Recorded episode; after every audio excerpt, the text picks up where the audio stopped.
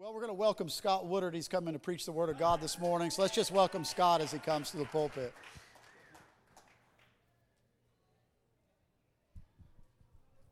Good morning, good morning. Hope you're excited. Children's church is excited. I was told by my children, they whenever the children's church workers find out I'm preaching, they're like, we got all kinds of time. So I didn't know how to take that when I heard that. Well, praise God. Well, Father, we just thank you for the awesome privilege to be in your presence. We thank you for the privilege to look into the Word of God this morning. Father, I just ask that by the unction and the power of the Holy Spirit, that Lord, you would speak through me. That God, you would cause those that are listening by live stream and those that are in this room, Father, to hear what you're saying to them. That God, you would speak with clarity and God, that you would cause our eyes to open and our ears to open. That, Lord, a hundred messages would be spoken today. That, Lord, they would hear what you're declaring to them as an individual. And that, God, you would expound your word. In Jesus' awesome and mighty name, amen. Well, this morning, I'm going to get a chance to uh, continue on with our series that we've been working through on unmasking the unseen world. How many of you know that we are there's a real world, a kingdom world that's spiritual that we see with uh, we don't see with our eyes, but you see the ramifications of it around you. That demons are real and angels are real, and we've been talking around the the uh, root origin of Satan and demons and their authority and God's authority. It's been good, huh? We had a few uh, side notes with Mother's Day and some other things coming in there, but this is such a critical series because most Christians nowadays live completely oblivious in the Western Hemisphere of a spiritual realm. It's all about books and knowledge and principles and, and points, but the, the reality is, is that we live in an unseen realm. And my understanding of how I sit and walk and interact with that realm is critical to my success and impact in the earth and in my kingdom life. And so this morning, I want to I'm going to kind of tag on to Pastor Ken that was speaking here. We had a, a, a brother from Nairobi that was with us last week. Uh, Ken, I can't pronounce his last name, but awesome guy. But he was really talking around at the end of his message on that we are seated with Christ. That that through our changed nature with Jesus, what he does in our life, that we are changed and we're seated we're seated with Christ. And so he posed this question he says, God sees the new you, and the devil sees the new you. The question is, do you see the new you? Do you see the place that God has set you to operate from? Because you will only move and interact and, and work with God and His Spirit by the realm that you believe to be true for you or that you, have, you understand. And so I want to talk around that a little bit this morning. That's where we're going to land here this morning. so I just want to uh, jump right in here for the sake of time. As you know, I hate that clock. It's from the devil. God is outside of time. We should be too. I always tell people you want to be a biblical church. The Bible says that the Apostle Paul and, the, and other prophets came and he ministered and strengthened the church with a lengthy message. I'm like, praise God, let's be biblical. All right. So I don't have a title for this morning, but I, I, I, I do want to talk around being seated with Christ. But here's I want to make this statement you need to understand that yours and Jesus' mission, authority, and purposes are joined. Yours and Jesus' mission, his authority, and his purposes are joined. In Isaiah 61, if we can pull that up, I want to start right here. Jesus' purpose. Isaiah 61 before Jesus was ever born, about 700 years before he was born, the prophet Isaiah penned these words as God declared by the Holy Spirit about Jesus coming. And he says this And the Spirit of the Lord is upon me, or the Spirit of Father is upon me, talking about Jesus. Because the Lord has anointed me to preach good tidings to the poor, he has sent me to heal the brokenhearted to proclaim liberty to captives, to the opening of prisons to those who are bound, to proclaim the acceptable year of the Lord and the day of the vengeance of our God, to comfort those who mourn, to console those who mourn in Zion, to give them beauty for ashes and oil for mourning, the oil of joy for mourning, a garment of praise for the spirit of heaviness, that they may be called trees of righteousness, the planting of the Lord, that he, God the Father, may be glorified.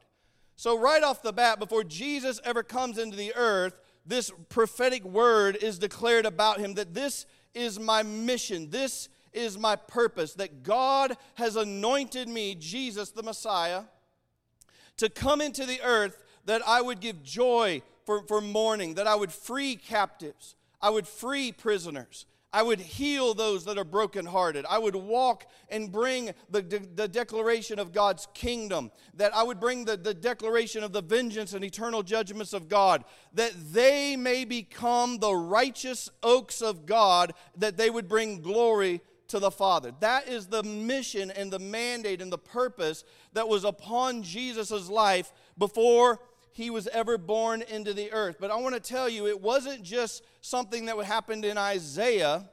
It goes on in the New Testament where Jesus stands up and he, he reads this passage and he says, This day this is fulfilled. In other words, everything that was declared about my mission, everything that was declared about my purpose has come upon me, and this is what I'm doing. Jesus is continually in working to fulfill that mandate to release prisoners, to heal the brokenhearted, to bring freedom to captives. See, demonic realm is, is working against all the, the, they're crushing people, bringing mourning to people, stripping people, taking the glory of God away from people. But that mandate sits upon Jesus. Acts 10:38, which is a very familiar passage of scripture. It says, And how God anointed Jesus of Nazareth with the Holy Ghost and with power who went about doing good and healing all who were oppressed of the devil, for God was with him. I want you to say this say, God anointed. It says, God anointed Jesus of Nazareth. Who anointed Jesus? Father God. I want you to say this say, Father, give me an anointing. Now let's ask that for real. Father, give me an anointing. You see, this walking in this unseen realm is real. And we're this morning, I want to show you how Jesus responded and what things that he did in the Gospels. And we're going to talk about places that you're seated. So we want to look at Jesus' purpose, his mission, and his authority, and how you're joined to those things. So here he is in Isaiah 61, all these things. This is what you're going to be. You're going to release captives. You're going to free prisoners. You're going to bring joy for mourning. You're going to bring glory and beauty for ashes. You're, you see the restoration of God working in the lives of people. Acts 10:38 how God the Father anointed Jesus with power and he went about doing good and healing all that were oppressed of the devil for God was with him. Isn't it interesting? God was with him and he walked among people and delivered people out of darkness. The thing you realize is that is the heartbeat of Father. God anointed, the Spirit of the Lord is upon me that I may go preach, deliver, freedom, salvation. Can I tell you this? Jesus and the anointing that came upon his life and the purpose and the mission that has not changed.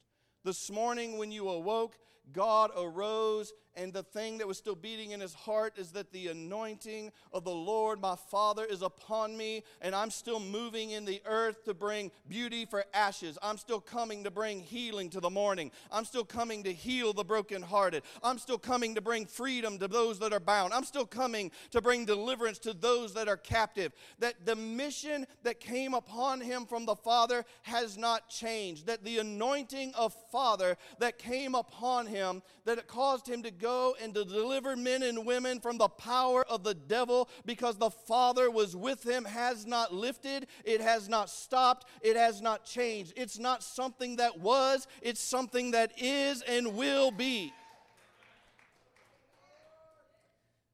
And so we recognize that that is what came upon Jesus. And Jesus' mission hasn't shifted, but in Acts 26, we see God speaking to the apostle Paul, but it resonates for us who are believers today. In Acts 26, and it's Paul's on his journey to, to Damascus. He gets knocked off by a bright light, and he begins to say, and he says, Lord, who are you? And he said, I am Jesus. Jesus who? I am Jesus whom the Lord has anointed. Remember that story? Isaiah 61, Acts 10 38.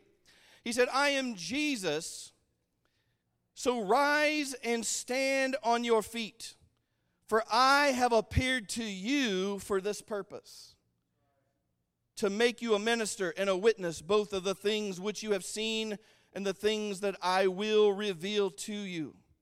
I will deliver you from the Jews and the people and from the Gentiles. And now I will send you to open their eyes in order to turn them from the darkness to light and from the power of Satan to the power of God, that they may receive forgiveness of their sins and an inheritance among all who have been sanctified by faith. It's interesting. So God visits Jesus and he anoints him to do the work of the heart of the Father, to deliver, to restore, to renew, to, to rescue what we call real salvation, right?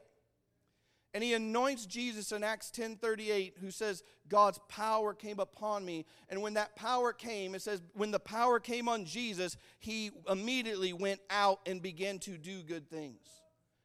And he did he delivered men from the power of the devil how? Father was with him. When God is with you and God is upon you, the, the innate thing He's looking to do is for us not just to have an encounter with God, but for us to begin to go. When He was anointed, it says He immediately began to walk among men, and everywhere He went, when He went to the pizza party and the bowling alley, and He went to the university, and He went to Starbucks, wherever He stepped, He just took the Father and His relationship right into that natural conversation. He wasn't spooky religious, He didn't have funky terminology. It was just Him anointed by Father, and he went and he did good works and he served men and loved them and spoke truth to them.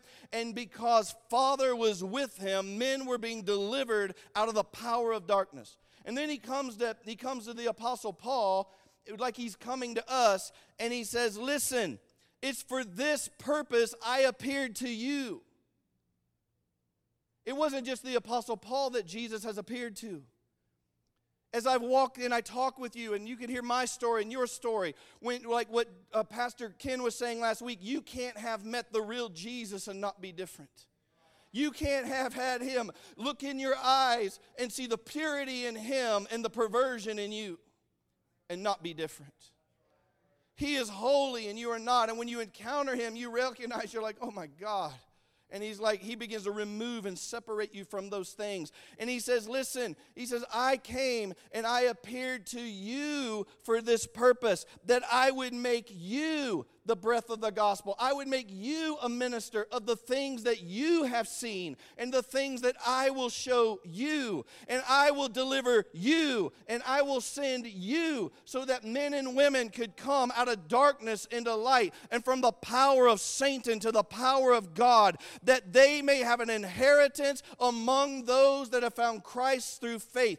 This morning, I want you to realize that your mission and your purpose and your authority is joined with Jesus' mission, purpose, and authority. What is on him lives on the inside of you. What was mandated to him lives upon you.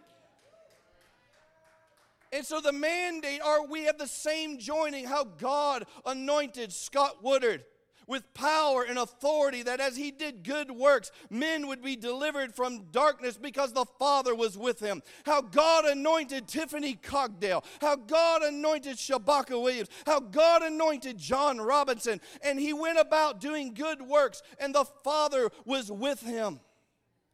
See, God, this thing is turning over. It's not something we just agree with. It's that it's, something that God wants to interact and, and have actually impact or an impartation in your life where it's like what I see. He said, I will make you a witness to the things you have seen and the things that I want to show you.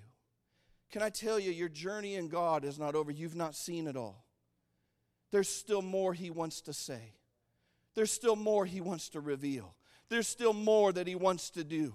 What have you not believed Him for that He wants to do? What have you not believed and stepped into that God wants to use you for?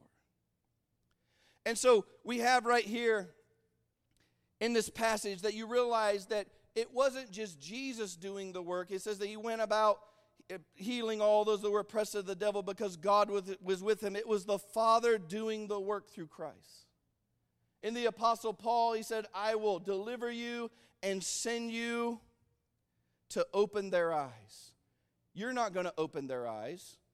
He said, I'm going to deliver you and send you. And then he begins to fall into the middle of your conversations. And he opens men and women's eyes around you so that they can go from darkness to light, from the power of the devil to the power of God, and have an inheritance with the saints. Our responsibility is not to save, our responsibility is not to deliver. Our responsibility is to carry what God has put upon us and allow us to speak truth into circumstances, to love, to nurture, to correct, to adjust just to bring truth and light into situations. And then Father, through the Holy Spirit, begins to do the work behind us. Do you see that? And so, when Jesus, you have to realize Jesus had this mission hanging over his life before he was ever born. The devil saw and heard Isaiah 61 through the prophet Isaiah. He knew that when Messiah came, that he was going to deliver and restore and redeem and, and set free the captive, that he was going to invade the world of darkness. But Jesus had this mandate upon his life before he was ever born, the same way we do. We read in the book of Galatians chapter 5 or chapter 1 verse 15 where the apostle Paul records these words. He says, "And it pleased God who from my mother's womb separated me. He separated me from my mother's womb and called me through his grace that he might reveal his son in me. Do you realize the same way Jesus had a mandate on him before he was ever born, you've had a mandate and a purpose and a call on you before you were ever born. That God, before you were ever born, determined from the day you took your first breath, I will come and reveal myself to them, that that which is in me would live inside of them. How is that possible? Because he himself comes and lives inside of you. And so Jesus has this mission, and the devil understood that if he could take the, the, Jesus out, he would destroy that mission before it came to pass. Let me ask you something. Have you had any hell show up in your life since you were born? You want to know why? Because from your mother's womb, you have been separated by God and called by His grace to reveal Christ in the Father in the earth. And the devil hated him, and the devil hates you. The devil knows that the mission that's in him is the mission that's living inside of you when you become a born again believer. So you need to recognize there is an unseen world, and it does not like you, it despises you. So Jesus he began to in face Jesus as the model, right? He's the model son.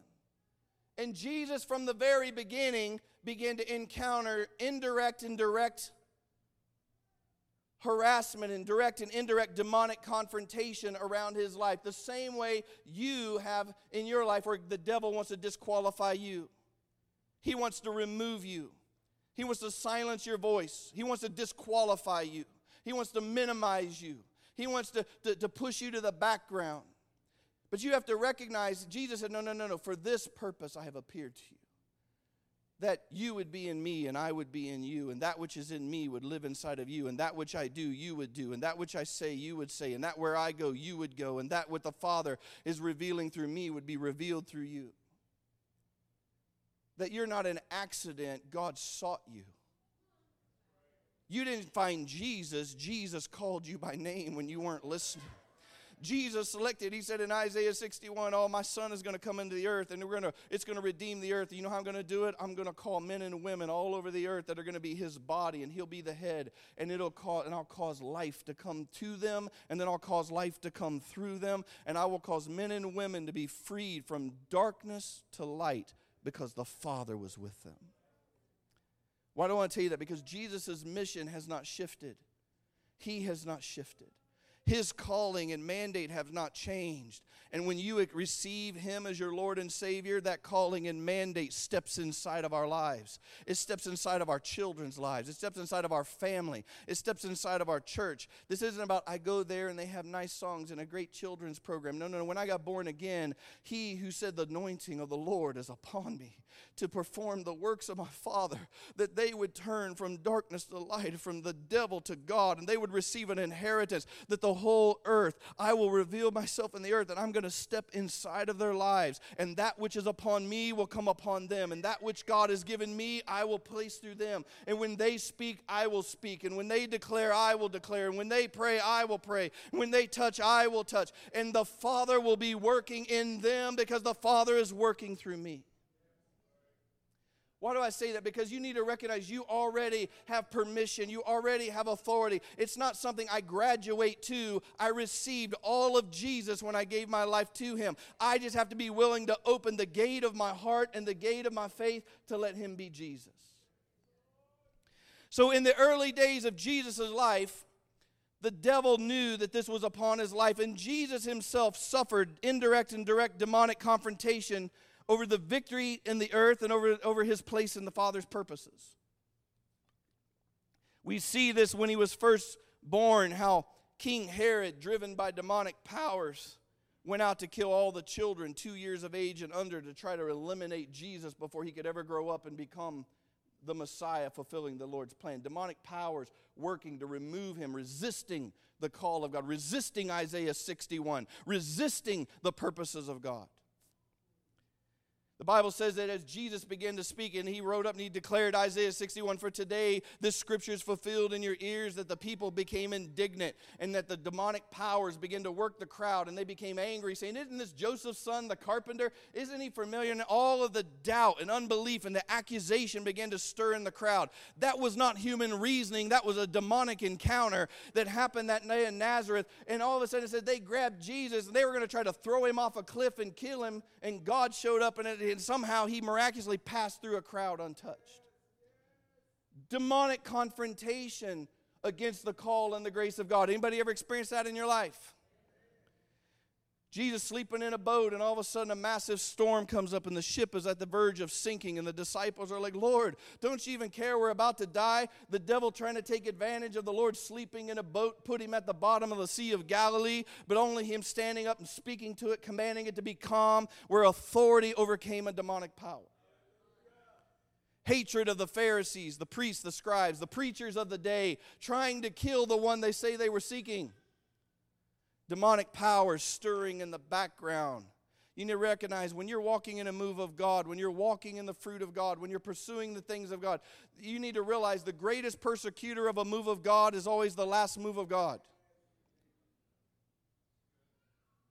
Religion will try to kill the move of God, and demonic powers were moving. Jesus has all this indirect confrontation that's coming against him and around him. Why? Because Isaiah 61 was living upon his life the same way Acts 26 is living upon our lives. I want to visit you to reveal my son in you, that you may cause men and women to receive the glory of my Father. You need to realize that, that this demonic realm, it does not like you because it hated the words of Isaiah before Jesus was ever born, before you were ever born and the kingdoms are fighting and clashing over your lives. And if you're ignorant to that, you will have one rough, bumpy Christian life and have no clue why it's happening. But if you understand your authority, if you understand your positioning, see, God sees you. God sees you, the anointed you. The devil sees the anointed you, but do you see the anointed you? So Jesus having all this happening, the devil finally shows up and just does a direct confrontation with him. He goes out into the wilderness and the devil comes and we know and tempts jesus. Hey if you're hungry make the breads and, and make the stone into bread. And he's trying to get him to violate the word of god. He tells him you know jump off the jump off the uh, the the, the pinnacle and the angels will catch you. And he distorts the scripture. And he's like finally he's like just bow down and worship me. He finally just gets right to the point. Just bow down and worship me and I'll give you all the kingdoms of the earth. And he goes after Jesus, the lust of his eyes and his flesh and his, his weakness and he just has a direct confrontation. I want to tell you, every single one of us will have a moment of a direct confrontation to determine the call of God. Will I allow God, you visited me for this purpose? And the devil's going to come to try to take that conversation away from you. He's going to try to take the thing that says, I was called by God, anointed by God, chosen by God, delivered by God, set free by God, redeemed by God, forgiven by God, uh, justified by God, declared righteous by God. The fight is coming to remove that from you. And so, Jesus, the Bible says Jesus comes back with the Word of God, the Word of God, the Word of God says, and it says this, and it says, and he left that encounter returning in the power of the Holy Spirit.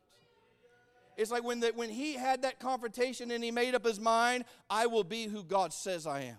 I will do what God says I will do. I will go where God says I will go. I may not be fully there yet. I may still be in progress. It's not about it's not about perfection, it's about my pursuit. And as long as I'm moving, I will be. He said, "I will come and make you a minister. I will come and show you things to come. I will come and cause you to cause the word of God to come." It's like God is going to be working in my life Jesus comes out of that encounter and it says he came out full of the power of the Holy Spirit and the purpose of God was beating inside of his life. Remember it says in Acts 10:38 it says in how God anointed him with power and he began to go do good works and God was with him. So the first thing you need to recognize is that the mission of heaven and the calling of heaven that is upon your life is very real. And it is in constant confrontation. The devil will do everything he can to get you to relinquish it. I know where you've been. I know what you think. I know what you've dreamed. I know what you've said. I know how many altars you said you wouldn't do these things. I know what you've gone back to. I know where you've tripped and fallen. The accuser of the brother that comes to accuse you in the demonic assignments, it's coming to strip you from walking in the mandate and the power and the permission and the realm that God has rightfully already given you. You didn't do anything to earn it. It's Christ in you, the hope of glory. It's Christ in you, the answer to the earth. But if I can get you to not see what God sees, if I can get you to not see what I see about your life, I will disqualify your impact. I will disqualify your journey, and you will set yourself back. Because the Bible says, as a man believes in his heart, so is he. And if I feel like I'm disqualified, I'll live disqualified. If I don't feel like I'm not enough, I won't step up to the plate. If I don't believe God's called me, I'll never answer the call. So, this mission and mandate is so Jesus comes back and he responds to the devil.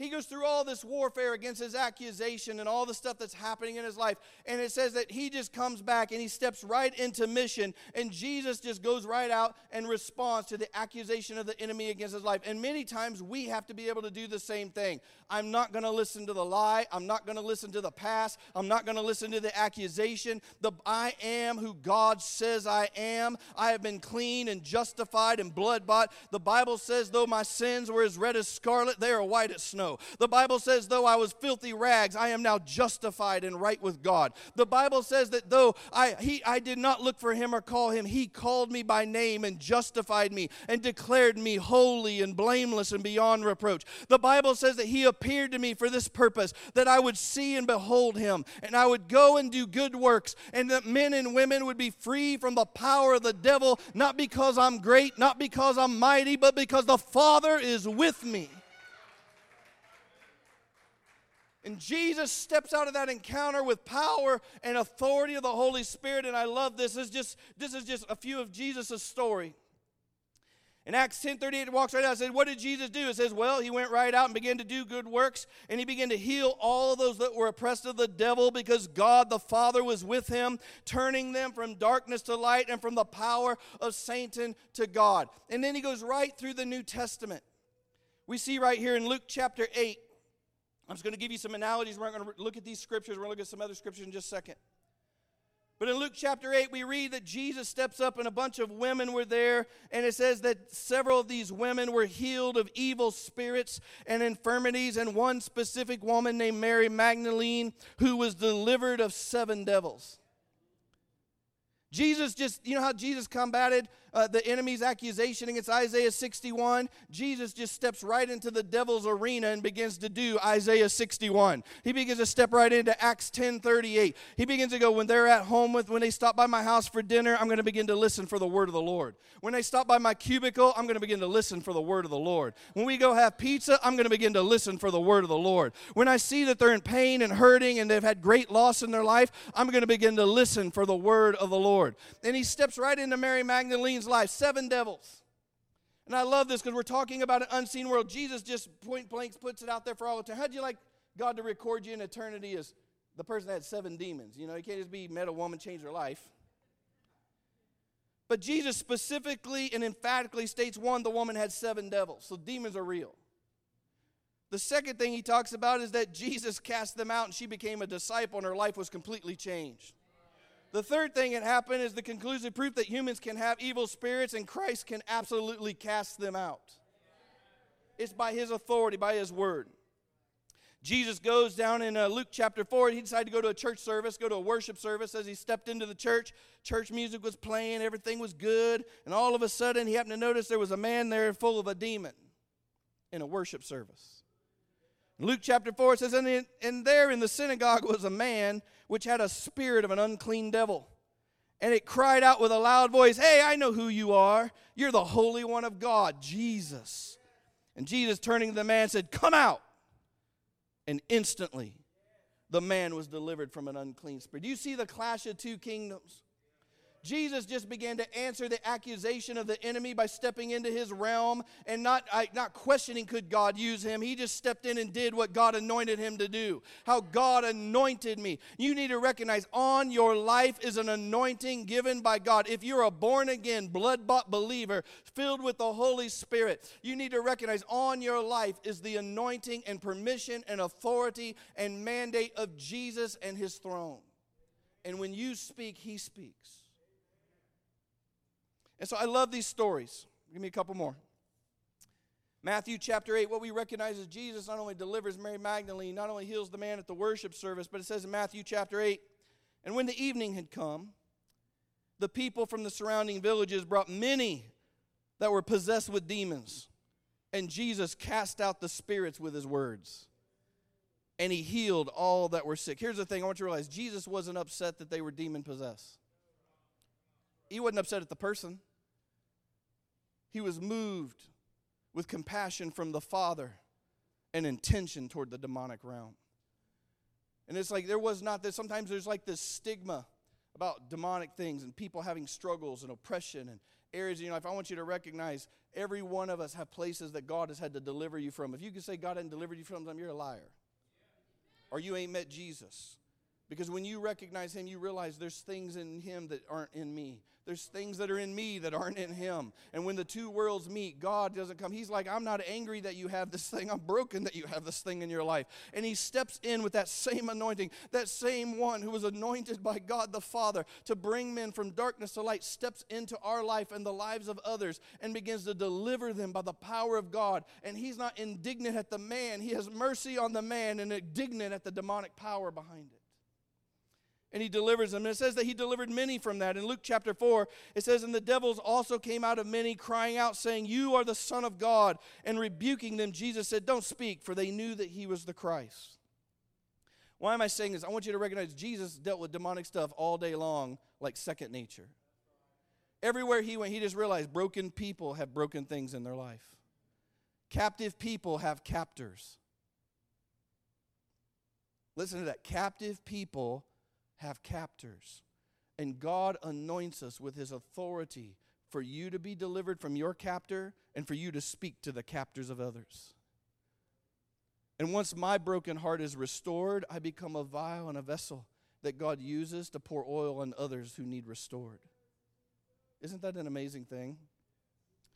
This father brings Jesus, his son, and can't speak. He's mute, and just says that he begged Jesus for mercy. And, and um, Mark chapter 9, and says, Jesus rebuked the foul spirit and said to him, You dumb and deaf spirit, I charge you, come out of him in the name of Jesus, and you're to enter him no more. Jesus would just speak to the demonic. Why am I showing you this? Because if Jesus cast out demons and it was the will of God, he was anointed by God to deliver men from demonic powers. It's not something that happened 2,000 years ago. Jesus is still anointed, still doing the exact work, same yesterday, today, and forever. There are whole churches and denominations that tell you that demons aren't real, that Jesus doesn't deliver people, that you just need some medication. I want to tell you that's a farce, that Jesus is still the anointed one. He's still walking walking in the middle of an unseen world, and He's still bringing Father's heart to many men's situations so that they can be delivered. And He's delivering us and then using us to deliver others. You need to have faith that God can deliver you, it's His will. You need to have faith that God will honor you when you pray for others to deliver others because it's His will. So it goes on in Luke chapter 13. And behold, there was a woman there which had a spirit of infirmity for 18 years. This thing had been tormenting her for 18 years. She was bowed over, and with no wise could she stand up straight. And when Jesus saw her, he called her to him, and he said, Woman, thou art loose from thy infirmity. Now, what was interesting, Jesus said that, nothing happened. It says, But then he laid his hands on her, and immediately she was set free and glorified God. He spoke to what would be as if it was. So you just need to realize when you're praying and believing and looking for people, why am I telling you this? Right? I want to look at where you sit, but you need to realize Jesus' purpose and Jesus' mission has not changed. And the same thing he was anointed for in the beginning, he's still anointed for. The thing he did in Jerusalem, in Nazareth, in Galilee, and Bethsaida, and all of the cities of Judea, he is still doing in Raleigh, and Los Angeles, and Chicago, and Saipan, and Japan, and China. He's working all over the. He has not changed. And Isaiah 61 is still speaking upon his life. Acts 10:38 is still speaking over his life. And he comes and says, When I stepped inside of you, my mission did not change. Your mission and my mission are joined. Your purpose and my purpose are joined. Your authority and my authority are intertwined and joined. As you walk the earth, I walk the earth. As you walk and talk to men, I talk to men. And many times I recognize that we can go on with life, and sometimes we don't bring God with us. If you don't see where you're seated and coming from, you'll just go to the party and have pizza and a movie. When God wanted to step into the room and bring the kingdom of God. I'll tell you, when you step into situations, you can look around and be like, God, is there anything you want to say here? Anything you want to do here? Anything you want to speak to here? And you know what happened? God will open heaven to you and begin to show you things. And you may think a small prayer at the side table or outside before we leave may just be something small. But when the moment you take that person's hand or put your hand on their shoulders and you pray a small prayer, you know, realize the power of God begins to be released through faith. Are you praying for everybody you're supposed to be praying for? Are you seeing the world that is around you, that is under your that is under your care and touch and watch that God says, I have anointed you for this purpose. This is your field, your sphere. These are your people. These are your relationships. These are your colleagues. These are your children. These are your cousins. These are your aunts. And uncles. you realize it's like the sphere that you're in, Jesus is standing on the inside of you, ready to walk and move in that arena.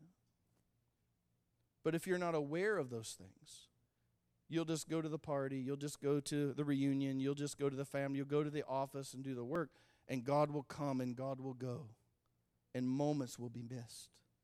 But if you put up that antenna, that Holy Ghost Wi Fi, Lord, if you don't want to say anything, cool, but if you do, I'm right here.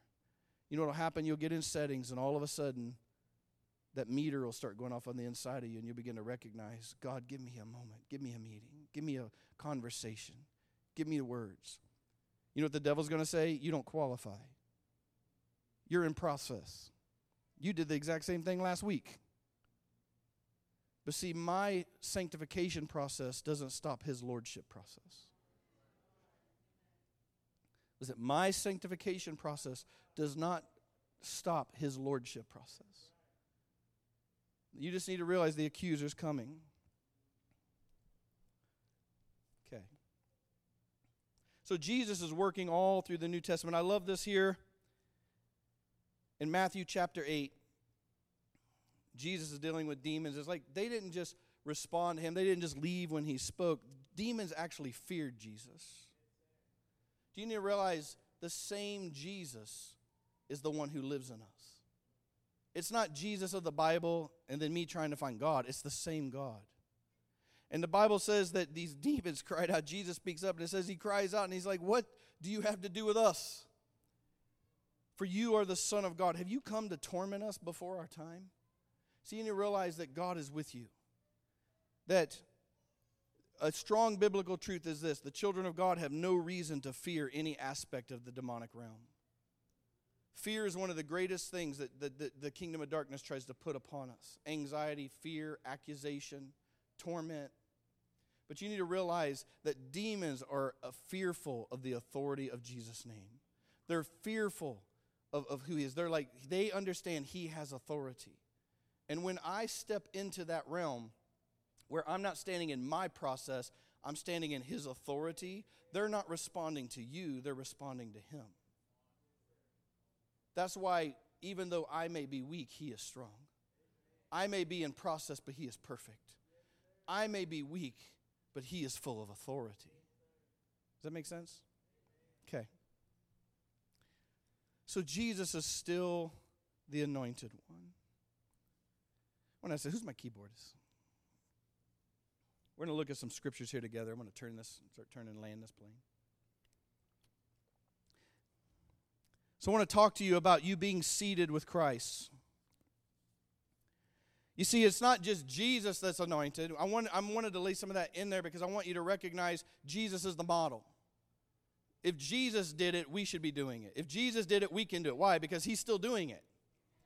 And if I can have faith that God wants to move in my life, I realize the unseen realm, demonic powers don't have authority over me. They don't have control of my home. They don't have control. It's like they may try, they'll have it where I give it to them or where I relinquish it. But if I stand in my God ordained place, you have to recognize I begin to go, this home is my home. These children are my children. This marriage is my marriage. This church is my church. This city is my city. When I begin to stand in the authority of the anointed one and his anointing, demonic realm begin to respond not to me they respond to him.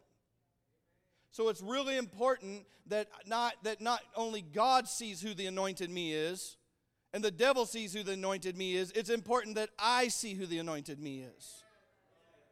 Okay? And so sometimes you meet people and they're like, yeah, but that's Jesus. That's Jesus doing all those things.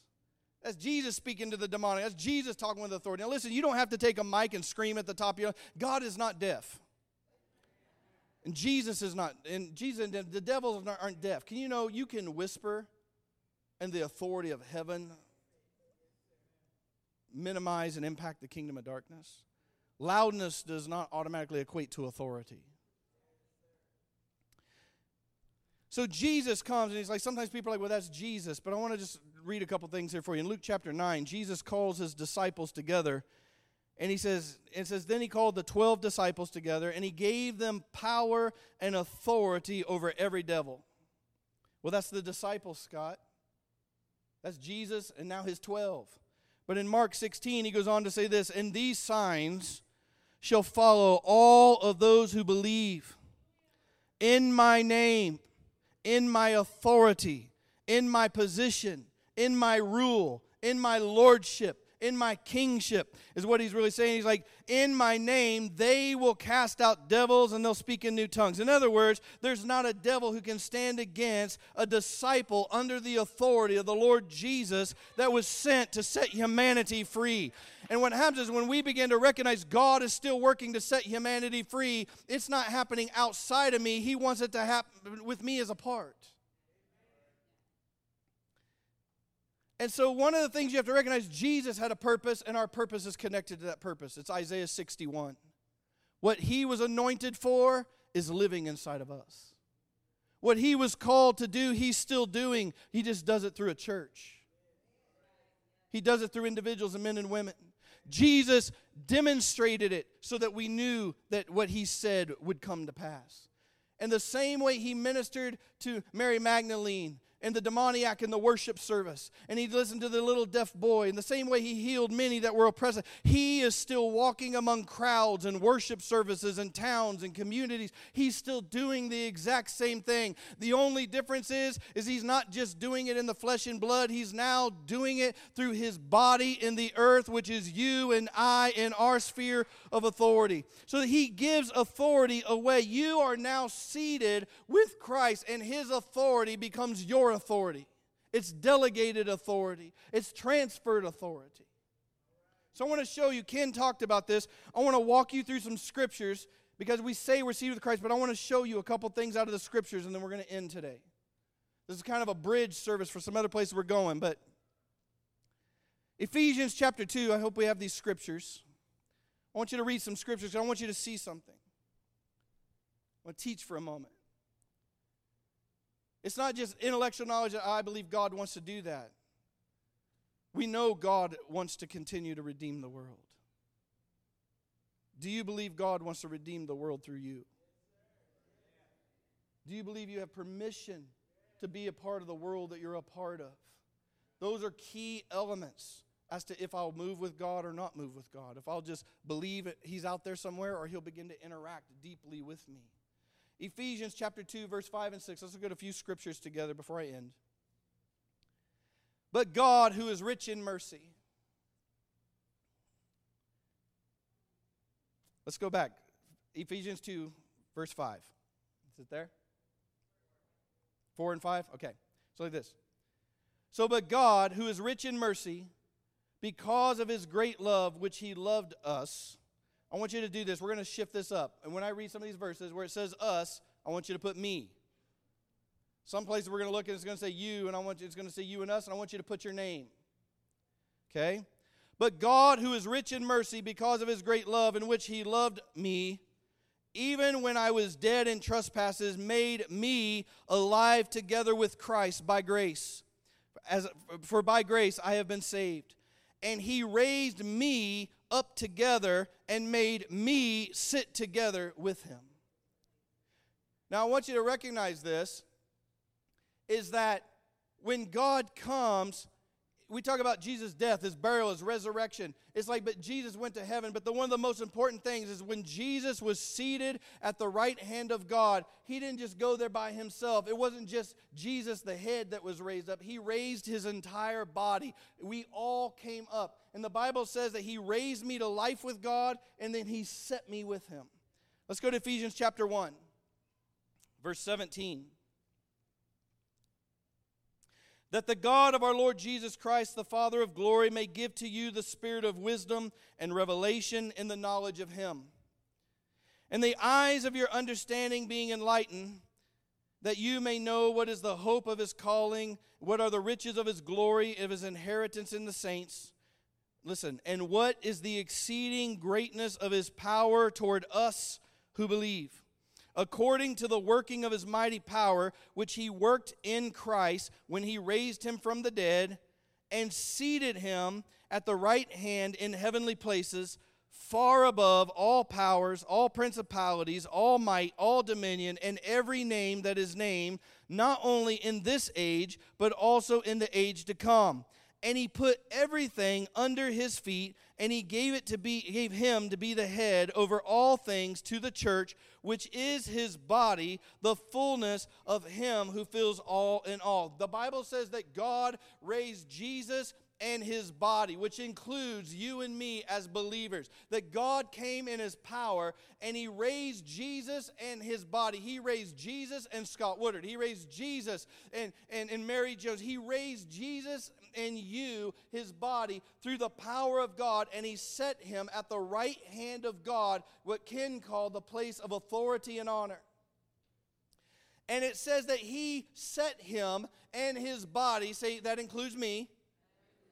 This is important. He set me at the right hand of God with Jesus as my covering, as Jesus as my authority. And it says that when He seated us there together in heavenly places, He seated us far above every power, every principality, every might, every dominion, everything that is named in this age and in the age to come. It's not just Jesus who is on, it's like it's me in Jesus. And it said He put everything under His feet. Under you could be the lowest person in the body of Christ. You could be the smallest, most insignificant, least knowledgeable member of the body of Christ. And the Bible says that God set you uh, to, to everything under the feet of the lowest believer in eternity. And it says He put that person above every power, every authority, every dark.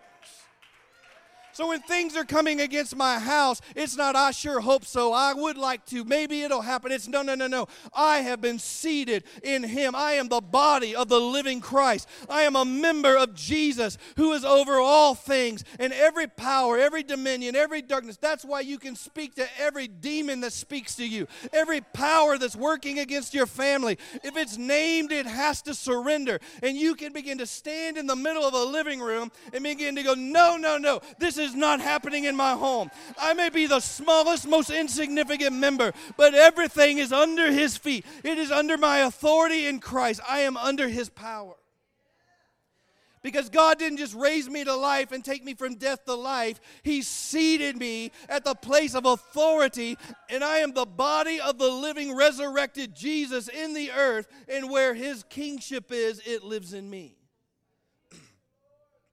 I'm not arrogant in those things, I'm demanding those things.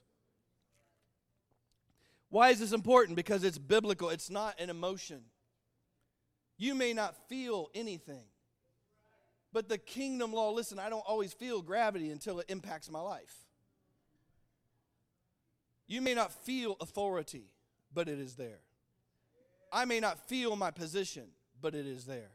I may not feel my, my place of permission, but it is there. And what happens is the moment you begin to step into that place and go, no, no, no, his mission is my mission, and his calling is my calling, and his authority is my authority, and I am in the body of Christ. I am the body. God didn't just resurrect the head, he resurrected his entire body, and the whole body set down at a seat called mercy, full of authority and honor and everything.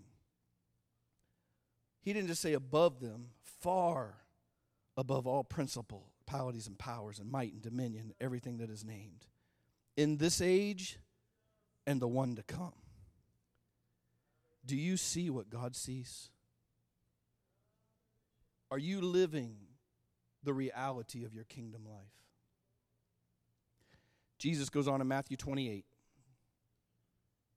And Jesus came and told his disciples, put your name there.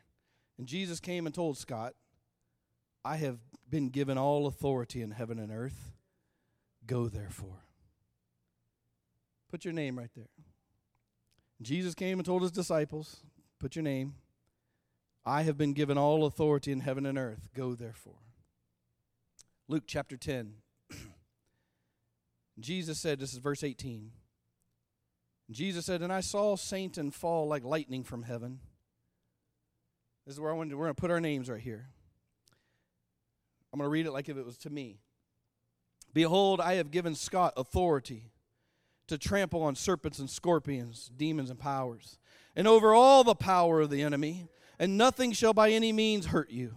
Nevertheless, do not rejoice in this that the Spirit is subject to you, Scott, but rather rejoice that your name is written in heaven. My worship is not in my power. My worship is not in my authority. My worship is in my salvation and the fact that I'm a member of the body of Christ under the headship of Jesus. But I want you to recognize Jesus is saying, Your name. He's like, he's, Your name is in there. I give you, whatever your name is, authority to trample on serpents and scorpions over all the power of the enemy. You do not need to be afraid of him. You do not need to be fearful of bondage. You do not need to be fearful of captivity. You do not, the only thing you need to fear is the willingness to walk in sin that empowers that stuff. When you when you repent and you run to Jesus, Jesus doesn't condemn the person that's bound, he accuses the condemner. And he rejoicefully delivers us. And he puts us Isaiah 61. This is Colossians chapter 2. We're going to read two more verses and we're done. Colossians chapter 2 verse 12.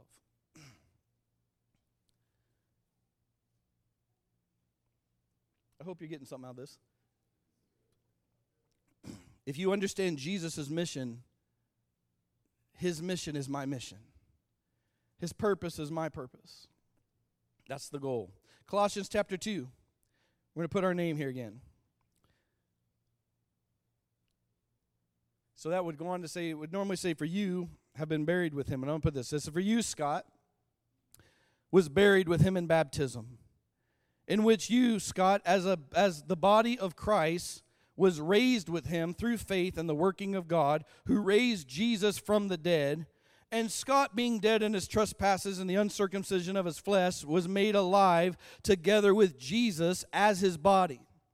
Jesus, having forgiven Scott of all of his trespasses, having wiped out the handwritings and the requirements that were against Scott, which was which Scott um, which was contrary to him, and Jesus has taken it out of the way, having nailed Scott's judgment to the cross, having disarmed principalities and powers. Jesus made a public spectacle of them, triumphing over them indeed. You can put yourself in that scripture. You read these and you realize what's happening. I have been seated with Christ. His power and authority is in me. You can put your name in that place. I want to read that one more time. I got one more verse. I'm going to end. For you, whatever your name is, I want you to read this, put your name in it. Just say, for whoever your name is, say, for whatever your name is, was buried with him in baptism, in which was raised with him through faith in the working of God, who raised Jesus from the dead, and your name? Being dead in trespasses and the uncircumcision of the flesh, was made alive together with Jesus. Jesus, having forgiven all his trespasses and wiped out the handwriting and requirements that was against, which was contrary to them. And Jesus has taken it away, having nailed your judgments to the cross. Having disarmed principalities and powers, Jesus made a public spectacle of them, triumphing over them indeed. God has not changed. This morning, whether you recognize it or have recognized it or not, you are seated with Christ Jesus. As his body, we are seated with him in eternity. Not someday, not maybe someday in the future, but like right now.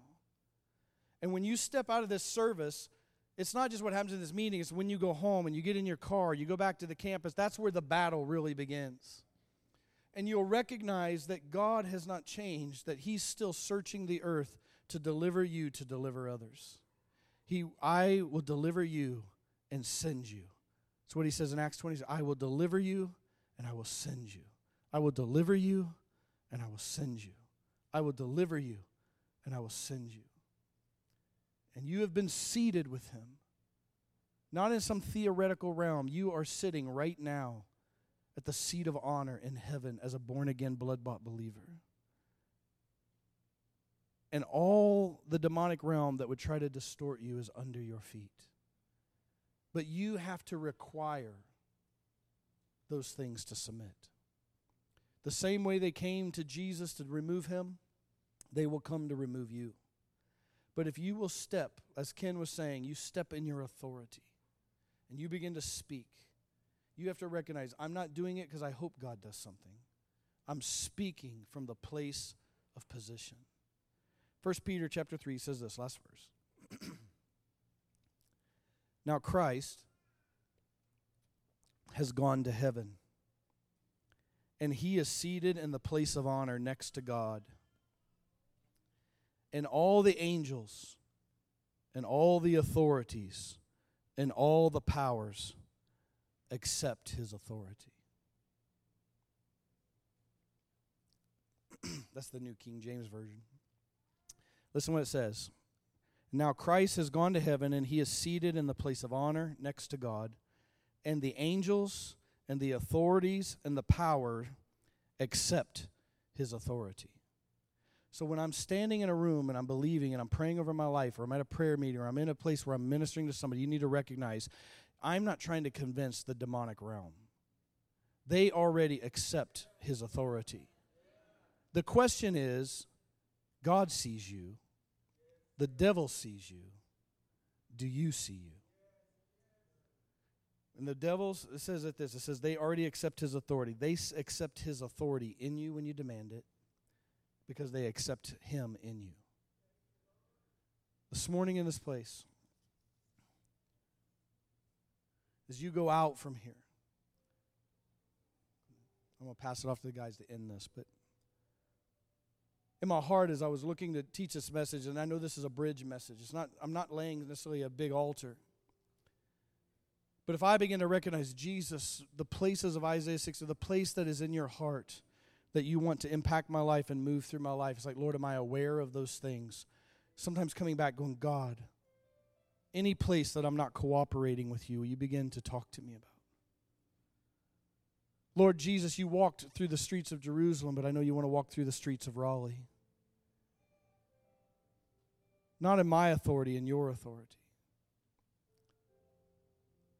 That, Lord, anything that is between me hearing your voice, anything that's between me walking with, any place that, Lord, I've been unaware, I've just been in my own world, but I haven't really seen what you're doing or participating with it. God, I want you to forgive me for those things. And Lord, I'm asking you to activate the grace on the inside of me for this purpose I have appeared to you. For this purpose, I've revealed my Son to you. Not just to come to church and have a nice meeting, not just to have more knowledge, but for you to be able to step into the rightful place that God has made you. And all the darkness that would come, you would walk in, it's like you would be light walking into a dark room. And you would be freedom walking into the midst of bondage, and hope walking into the midst of despair, and love walking into the middle of hate, mercy walking into the middle of separation, all the stuff that's in our world. But if you don't see and walk into those places from the place that God has placed you, you'll miss your moment. Jesus is reaching the earth through you and me. And as we walk into the earth as He is, we get delivered. We have mercy. We touch compassion. We begin to hate what He hates and love what He loves because the Father is with us. This morning, I wanted to kind of snap a line to go are, Have you been unaware that God is trying to be with you in the midst of ordinary situations?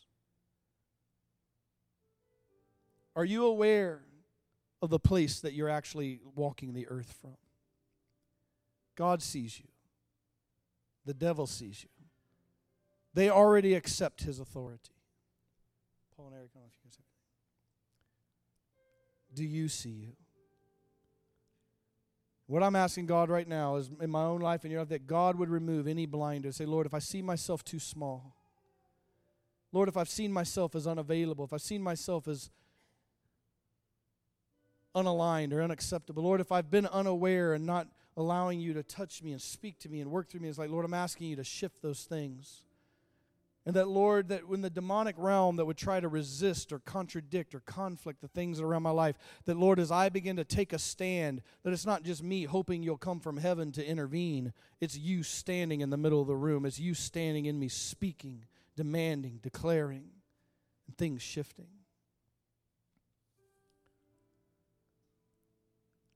Father, I pray right now that, Lord, that you would just come. That, Lord, we know that we're in the middle of an unseen world. That, Lord, the demonic powers of hell come to lie and disqualify and to cause people to shrink back. But, Jesus, we understand that all authority and power is in your name. And that, Lord, we are seated as your body upon that throne, that Lord, you are still reaching into the earth. You're still reaching for the souls and the lives of men and women. And that, Lord, you're wanting to not only touch me, but to pass through me. You're not only wanting to visit me and deliver me, you're wanting to send me. That, Lord, you're not only wanting to, to deliver me and to, to save me, but God, you want to begin to reach the world through me. Lord, I pray that every place that, Lord, that I need to be realigned or my eyes need to be open or, Lord, that I've not been able to make myself available, that, God, you'd begin to shift something down on the inside of me. That, Lord, as I speak to the thing that is coming against my life and my call and the mandate of Jesus on the inside of me, that God, you would stand up on the inside of me and that your voice would thunder behind my voice and your word would come. And that, Lord, those who recognize and receive your authority both in the earth and in the realm of heaven would hear the word of the Lord.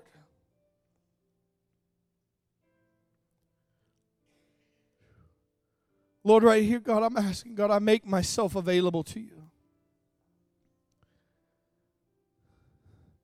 Lord, stand up on the inside of me.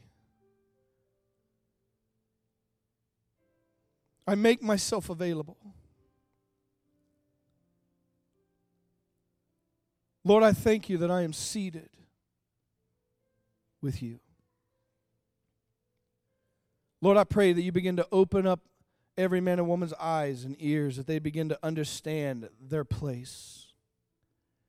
God, create divine appointments, create divine conversations. Those that you're trying to deliver from Satan to God and darkness to light. God begin to cause their antennas to go up, that in every natural circumstance you would prod them to go right here. This is your Isaiah 61 moment. I am coming to set them free. I am coming to heal. I am coming to release. I'm coming to deliver, and I'm going to do it through you. I am delivering you and sending you. That Lord, as they pray, as Lord, as they intercede, Lord, as they give counsel, Lord, as they love, Lord, Lord, as they serve, God, Lord, as they display you in the kingdom of God, Lord, let the power of heaven fall on that moment, that light would invade darkness and blind eyes would open and that ears would open, and that, Lord, revelation and truth and wisdom and understanding would overtake those moments.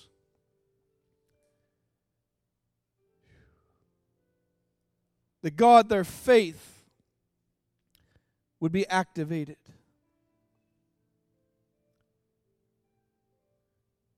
In Jesus' mighty name.